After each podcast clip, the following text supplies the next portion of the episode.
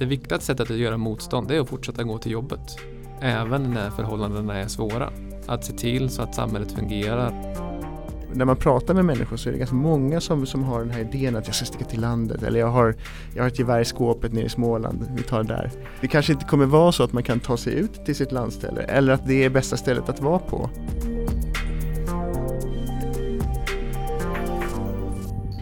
Vem vill försvara Sverige om Sverige skulle hamna i krig? Det är någonting som vi i Sverige har mätt och funderat på i alla fall sedan 50-talet. Eller kanske snarare frågan hur många som vill försvara Sverige om Sverige skulle hamna i krig och vad det är för faktorer som påverkar försvarsviljan. Det är det vi ska prata om i det här avsnittet av Rapporterat, eller hur? Eller hur? Jajamän. Jag heter Kajsa Collin och med mig i studion sitter därför Ola Svenonius, jag är forskare och forskningskoordinator på avdelningen för försvarsanalys. Och bredvid dig sitter Herman Andersson. Yes, och eh, jag jobbar på samma eh, avdelningen, också på försvarsanalys, men enheten för försvarsekonomi. Ni har båda skrivit rapporter på ämnet försvarsvilja som släpptes under våren. Men de här två rapporterna har lite olika tagning och förslag. Vad är det egentligen man mäter och hur bör vi mäta försvarsvilja framöver? Om vi börjar med din rapport Herman som heter Den svenska allmänhetens hemberedskap och försvarsvilja. Översiktliga resultat från en enkätundersökning genomförd 2022. Utifrån den rapporten, vad kan vi säga om försvarsvilja i Sverige idag? Ja, våran bild är att försvarsviljan i Sverige är, är hög. Och eh, nästan eh, på de, oavsett vilken metod vi använder för det, frågor vi ställer för att mäta den så får vi ganska höga resultat. Så vi börjar med att ställa frågor om allmän försvarsvilja. Alltså, I det här fallet tycker man att Sverige som nation bör göra väpnat motstånd om vi blir angripna. Det krävs alltså ingen personlig insats utan bara att ska Sverige göra väpnat motstånd. Då är det omkring 90 procent som svarar ja på den frågan. Vilket vi bedömer är en, en hög siffra helt enkelt. Om man istället frågar om personlig försvarsvilja som handlar mer om vad man själv är villiga att göra och inte göra så om man frågar om man är villig att ta en stridande roll med risk för eget liv, alltså soldat eller sjöman eller något i den stilen, då är det strax under 50% som svarar att de är ganska eller mycket villiga att ta en sån roll om Sverige blir, blir angripet. Och det bedömer vi också vara en ganska hög siffra. Man ska komma ihåg då att det är ju enkäten har gått ut till alla svenskar, eller 5000 slumpvalda svenskar över 18 år. Så i den gruppen så är det knappt hälften då som säger sig vara mycket eller ganska villiga.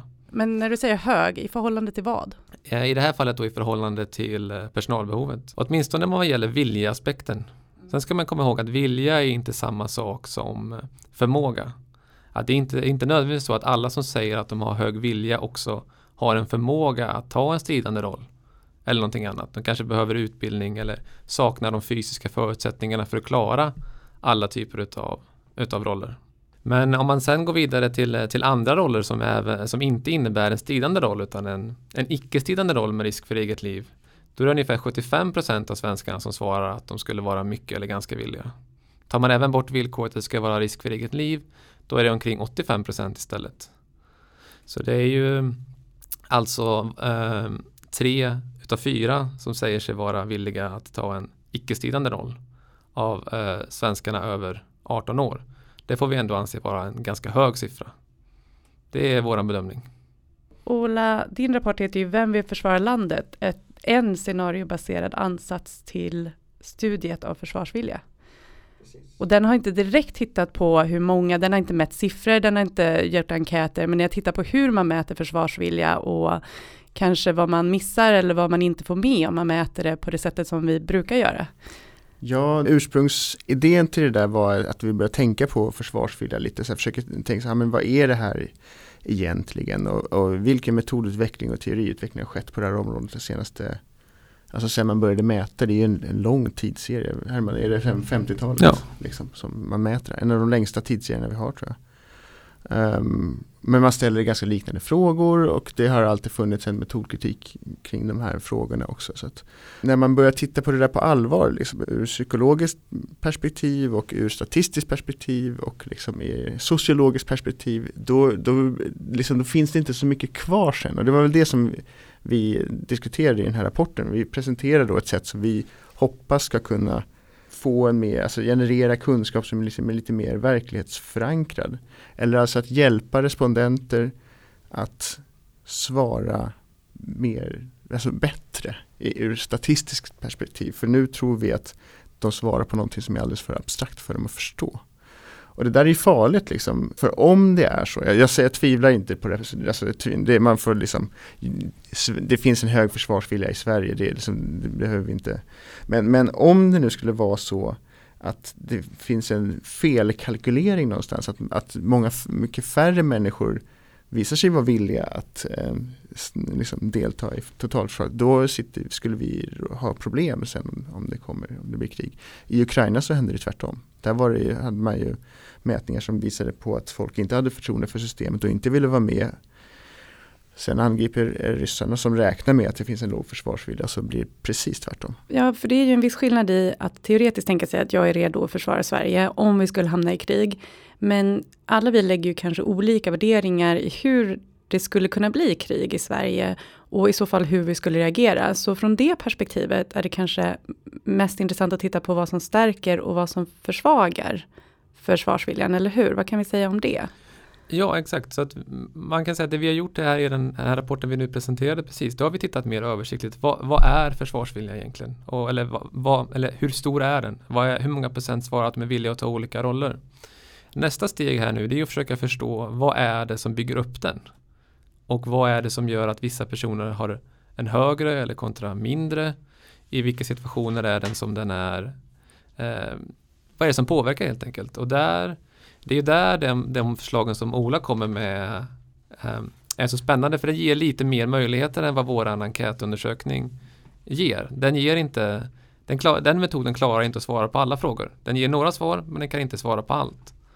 Så det är ju det, det är det som är det spännande med att vara i ett, ett område som är på återväxt. Att det, försvarsviljeforskningen har ju legat nere under en, ett, eh, ett tag i samband med att resten av försvars och totalförsvaret gick ner. Sen när den under de senaste åren här när den kommit tillbaka så har ju även intresset för forskningen kommit tillbaka och nu får vi liksom börja återta kunskaper. Och um, just den här att kunna se på från olika perspektiv och olika scenarion som, som Ola pratar om i sin rapport, det tror jag kommer ge nya insikter om hur saker och ting egentligen lägger till. Men Ola, vad är det då egentligen konkret ni föreslår att man skulle kunna göra för att få en bättre bild av hur vi mäter försvarsvilja idag jämfört med det vi redan gör och har gjort under lång tid? Man kan vara väldigt kritisk att försvarsviljan är, liksom, är inget utan det, det som man mäter är faktiskt någonting annat. Patriotism eller eh, erfarenhet av försvarsverksamhet eller något sånt där. Det, det skulle man kunna säga. Men men sen så, så kan man ju säga, okej okay, men om det kan vara en attityd, det som man kallar för en attityd, alltså någon sorts varaktig eh, åsikt eller varaktig psykologisk liksom, ställningstagande. Men det kan också vara en relation alltså mellan en människa och dess omgivning. Liksom. Och det kan också vara en sak som bara existerar i mitt huvud, ett psykologiskt konstrukt. Liksom. Och när man börjar tänka på vad det där nu är, då man tänker man ja men visst vi kan mäta dess förklaringsfaktorer, vilket ju är det som den traditionella forskningen gör och som Herman har gjort. Som liksom är, det finns mycket meriter i det, framförallt till exempel att kolla på, kanske har gjort felaktiga skattningar förut och nu får vi bättre data med fler faktorer, jättebra. Det som vi tänker att vi ska göra är ju att vi försöker titta på dynamiken i hur försvarsviljan kan tänkas. Alltså vi mäter ju samma saker, vi föreslår att man ska mäta samma sak, man ska inte ändra något i mätningen. Men man ska utöver det eh, hitta på sätt att mäta försvarsvilja på ett dynamiskt perspektiv. Med säga, vad händer när förutsättningarna blir först konkreta och sen kanske förändras helt. Eh, och sen kanske till exempel om man är i ett scenario där det är krig. Och hur ändras försvarsviljan om kriget är utdraget? Eh, om vi får hjälp från det internationella samfundet? Om, vi, eh, om det går bra för Sverige? Om det går dåligt för Sverige? Alltså sådana där saker.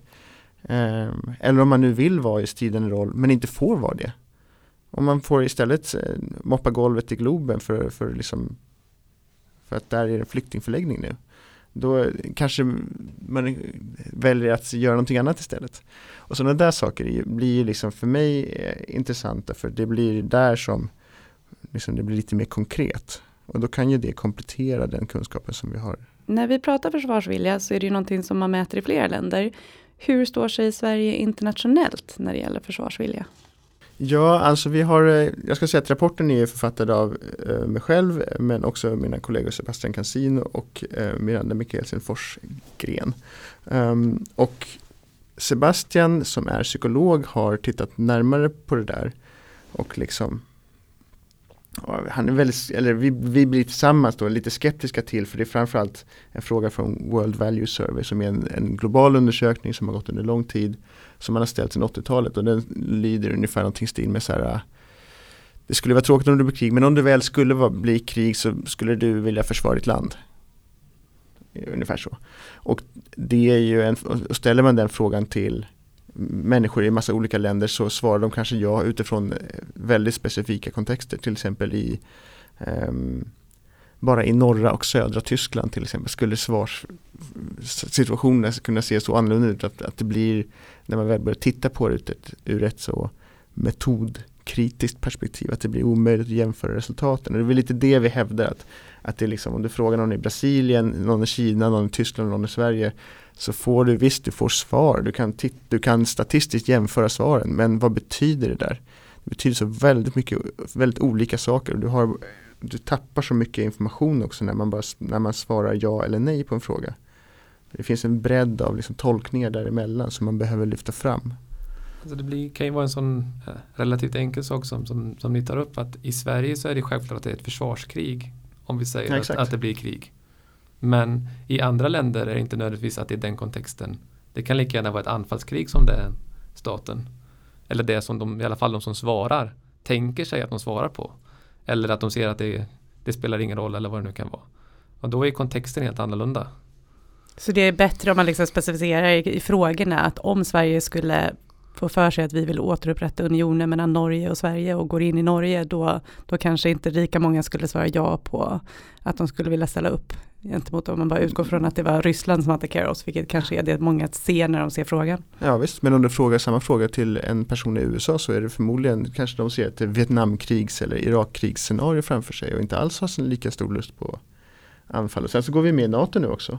Och där har ju många pratat, den här, det har varit en diskussion som vi pratar om. Ha, men då kanske svenska soldater behöver ingå i krigshandlingar i tredje land. I en helt annan kontext än vad vi tänkt, hade tänkt tidigare. Liksom. Där har vi ju mätt eh, i kontexten ett nordiskt grannland så vi har ställt samma frågor fast det är ett nordiskt grannland. Och då ser vi ju att eh, viljan att delta i ett nordiskt grannlands militära försvar är ju något lägre än vad den är för Sverige. Men vi bedömer ändå att den är relativt, eh, relativt hög. Men det är ju åtminstone i kontexten nordiskt grannland. Sen kan man ju tänka sig att NATO är ju större än, än Norden. Och den skulle kunna se annorlunda ut eh, om ett annat land inom NATO blev anfallen. Man kan också tänka sig att det beror på kontexten för det här kriget. Om det är så att det landet eh, som blir anfallet har varit provocerande under en lång tid. Det skulle också kunna påverka huruvida svenskar är villiga att åka dit och, och hjälpa till. Men eh, jag vill också lyfta här att vi har en annan kollega, Per Gustafsson, som skrev om den rysk stridsmoral. Och notera här att han använder då begreppet stridsmoral och inte försvarsvilja. För han menar, ju och det instämmer jag i att Rysslands anfallskrig mot Ukraina handlar inte om, om försvar. Då blir det fel att använda begreppet försvarsvilja. Därför använder han istället eh, stridsmoral som, eh, som det begreppet. Och det finns ju flera närliggande begrepp här som man skulle kunna liksom tänka sig. Men åtminstone när, när jag och Kristoffer Wederbrand skrev vår rapport, då tänkte vi oss ju alltid att försvarsvilja, då måste det det innebär att vi försvarar oss mot ett yttre angrepp snarare än någonting annat. Det blir ofta så när man pratar om försvarsvilja att vi pratar om det i relation till externa hot, att Sverige skulle hamna i krig eller att vi skulle gå med i ett krig någon annanstans. Men vad vet vi om de nationella faktorerna, de som finns inom Sverige som kanske påverkar försvarsviljan? Eh, en sån sak som har lyfts upp i, eh, i olika policydokument och i diskussioner ibland har handlat om, om värnplikt och militär tjänstgöring. Att det skulle ha en positiv inverkan att när man får kontakt med det militära försvaret och får mer insikter om vad det handlar om, man får en större förståelse och vet lite mer vad de olika rollerna skulle, skulle betyda. Eh, en, ett, det som är positivt med att vi har mätt det här nu det är ju att vi kan kolla de här sakerna och se stämmer verkligen det här? Och det vi ser i datan är att de som har gjort militärtjänstgöring eller värnplikt under de senaste åren har högre försvarsvilja än de som inte har gjort det. Men vi kan däremot inte se att det har blivit någon förändring på eh, gruppnivå, alltså att det har blivit någon stor påverkan på, på hela befolkningen, även trots att andelen som har gjort värnplikt har gått ner ganska mycket.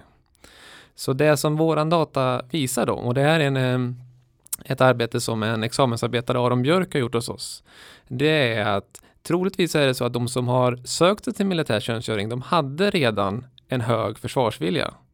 Vilket gör att de har det även då, även efter utbildad. Däremot verkar det inte som att utbildningen i sig har gett högre försvarsvilja. Det vill säga att om man skulle utbilda en större andel av svenskarna, eller till exempel alla män och kvinnor av en viss ålder, så skulle man då inte förvänta sig att det skulle leda till någon större förändring i försvarsviljan. En annan eh, sak som har lyfts i, de här typen av eh, sammanhang är tilliten till demokrati, till svenska myndigheter och den typen av utav frågor och det har vi också mätt i enkäten när vi har ställt frågor om hur, hur respondenterna, deras förtroende för myndigheter och så vidare. Det är ett pågående analysarbete som vi just nu håller på att arbeta med.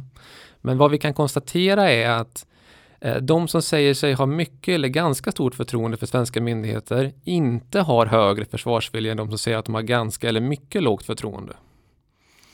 Så det, det tyder på att det inte har så stor påverkan.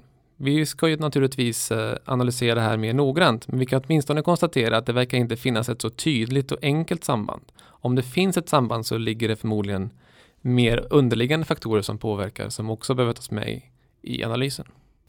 Det är intressant också eftersom man i det psykologiska försvaret liksom, sen det började har pratat väldigt mycket om just tillitens betydelse och hur det liksom är fundamentet för eh, samhällets liksom, sammanhållning och därför också Eh, försvarsvilja och liksom motståndskraften och sådär hos befolkningen. Så, så, det här är en fråga vi nu är intresserade av att gräva vidare i. Kan vi gräva, gräva djupare? Kan vi hitta det här som man har pratat om? Eller är det så att vi måste gå tillbaka till, till, eh, till, liksom, till ritbordet och fundera igen här. Hur hänger saker och ting ihop egentligen?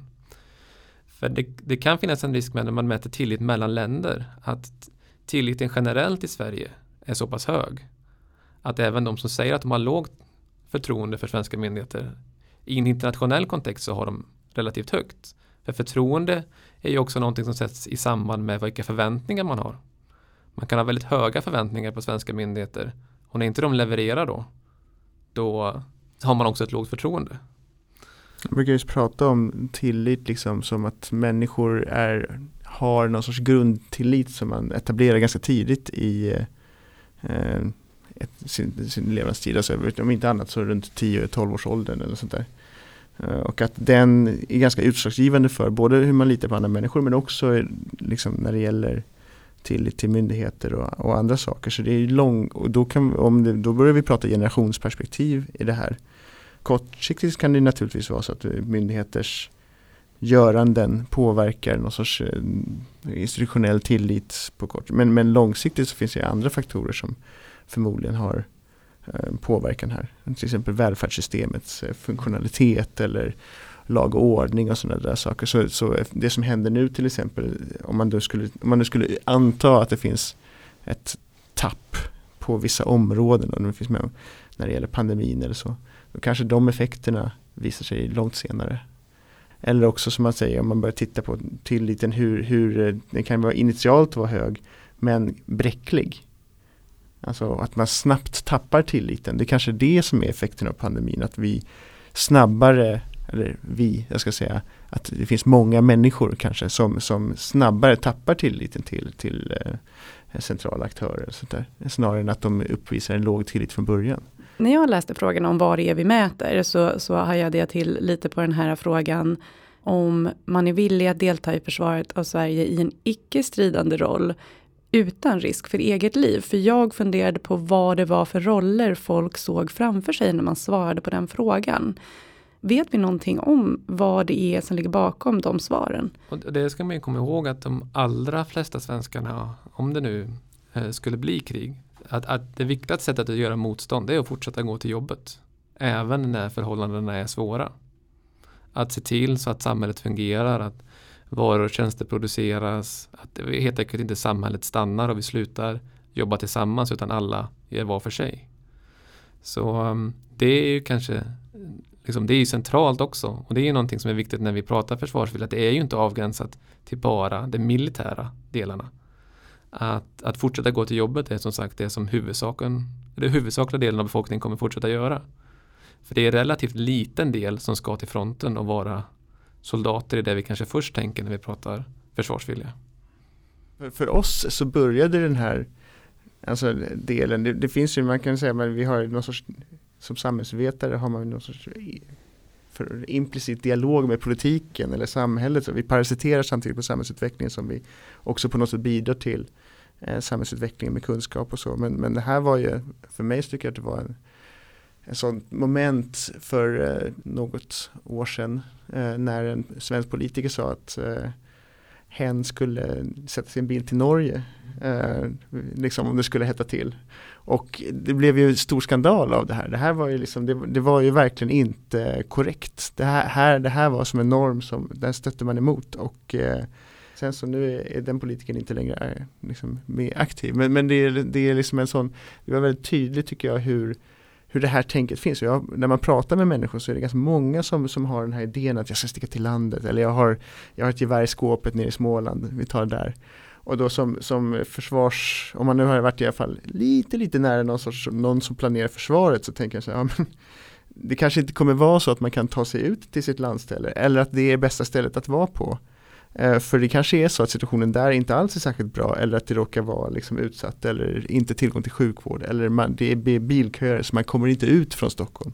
Alltså, en hel rad sådana där saker som, som jag tänker påverkar eh, den situationen. Jag tror att människor har tänkt sig alltså hur, hur en sån situation skulle utfalla och hur det faktiskt skulle bli väldigt svårt att säga. Liksom.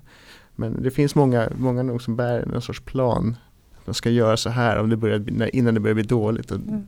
ja. Det pratas mycket om det strategiskt viktiga läget Gotland har, liksom. men då kanske man inte ja. ska gå till Gotland då. Om kanske inte ta sig till Gotland. Men om man tänker om man jämför med Ukraina då så, så inför eh, krigsutbrottet, eller det, det eskalerade krigsutbrottet i 24 februari förra året, så var det ett antal människor som stack innan.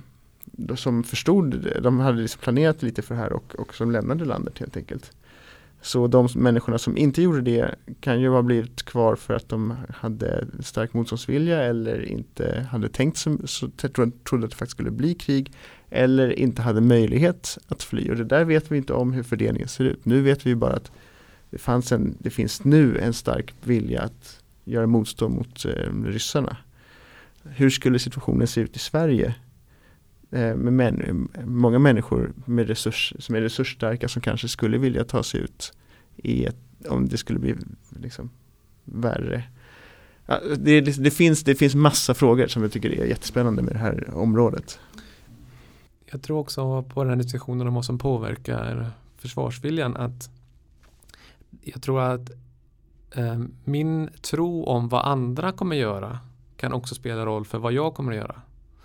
Och därför tror jag också att det är viktigt att man, att man mäter försvarsviljan så att det blir tydligt att för det vi kan konstatera är att åtminstone vad avseende vilja då så vill ju de flesta svenskar ändå hjälpa till och göra sin, sin del i någon mening. Om det nu är så att man då vill ta stridande roll eller någon annan roll inom totalförsvaret så är det väldigt stor del som vill det. Men samtidigt tror jag också att det finns en del som tror att de andra inte vill det. Alltså om man nu får inkallelseorder att man ska ta sig till något ställe och göra någon typ av roll. Om jag då tror att ingen annan kommer komma. Då kommer jag ju heller förmodligen inte att infinna mig även om jag skulle tänka mig om. Så att det är ju mycket den här alltså psykologisk effekt. Det kan bli en dominoeffekt åt båda hållen. Mm.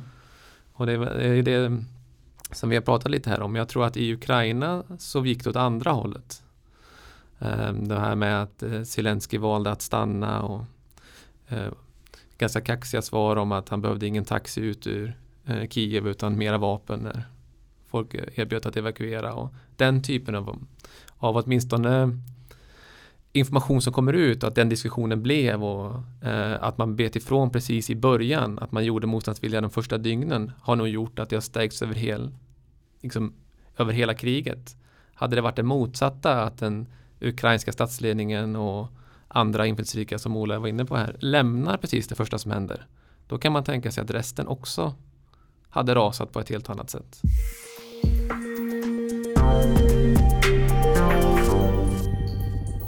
Finns det någon risk om vi börjar mäta försvarsvilja på ett annat sätt än hur vi har gjort tidigare? Att vi förlorar det historiska perspektivet eller möjligheten att jämföra med mätningar över tid?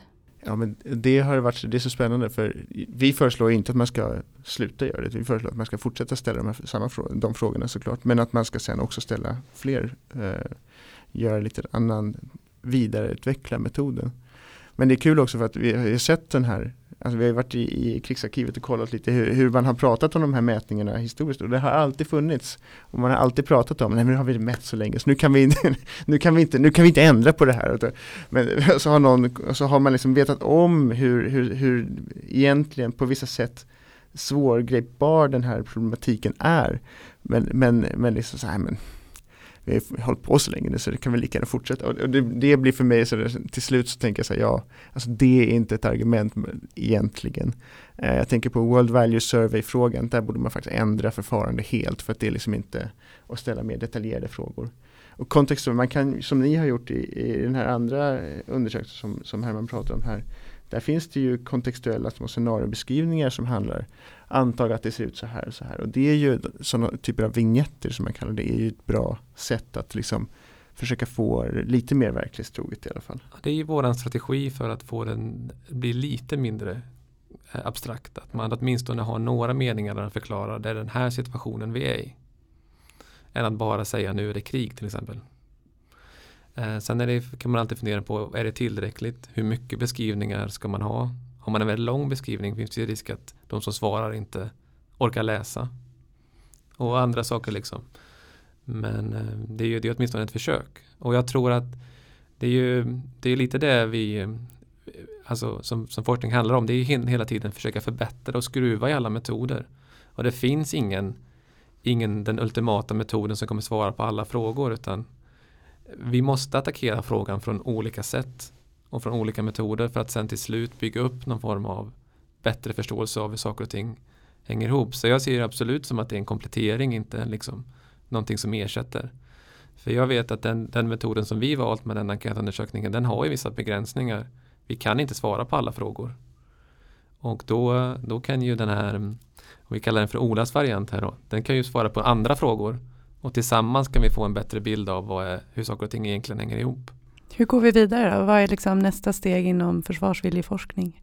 Ja, vi har ju det datamaterialet som vi har samlat in. Så där har vi ju mycket mer att, att, att gräva fram. Och det är ju framförallt då i de här tillitsfrågorna och se hur hänger de här sakerna ihop. Kan vi, kan vi se ett samband eller inte? I så fall hur ser det ut? Um, så det är någonting som jag ser fram emot. Någon, en fråga, annan fråga som jag tror vore intressant att gräva i det är att vi ser st ganska stora skillnader mellan män och kvinnor. I synnerhet då i stridande, stridande roll. Eh, vad beror den skillnaden på? Och vad, eh, vad är det som gör att den, den är ändå så pass tydlig? Eh, där bör vi nog också fundera lite på vilken metod som är lämpligast för att använda för att få ut den. Men det är en, det är en hängande fråga här som jag tror att det vore kul om, om vi kunde ge oss på och besvara? Vad är det som driver de här stora skillnaderna? Ja, för oss, det, det som vi har tagit fram är, är en ett ansats för, att, eh, för experimentell forskning på försvarsvilja. Så det vill vi ju genomföra såklart. Vi, vill, eh, så vi ansöker om forskningsmedel till bland annat Vetenskapsrådet och försöker få ett mm, projektmedel för att eh, ta fram eh, eh, en, liksom, ett instrument som faktiskt funkar att använda så det är ju den stora saken för oss framöver. Och det handlar ju om den här dynamiken i, i kognitiva färdigheter och i, kognit, i hur man bäst tar fram material som, gör, som ger mest sanningsenliga svar eller så nära approximerat någon sorts realitet som vi kan komma.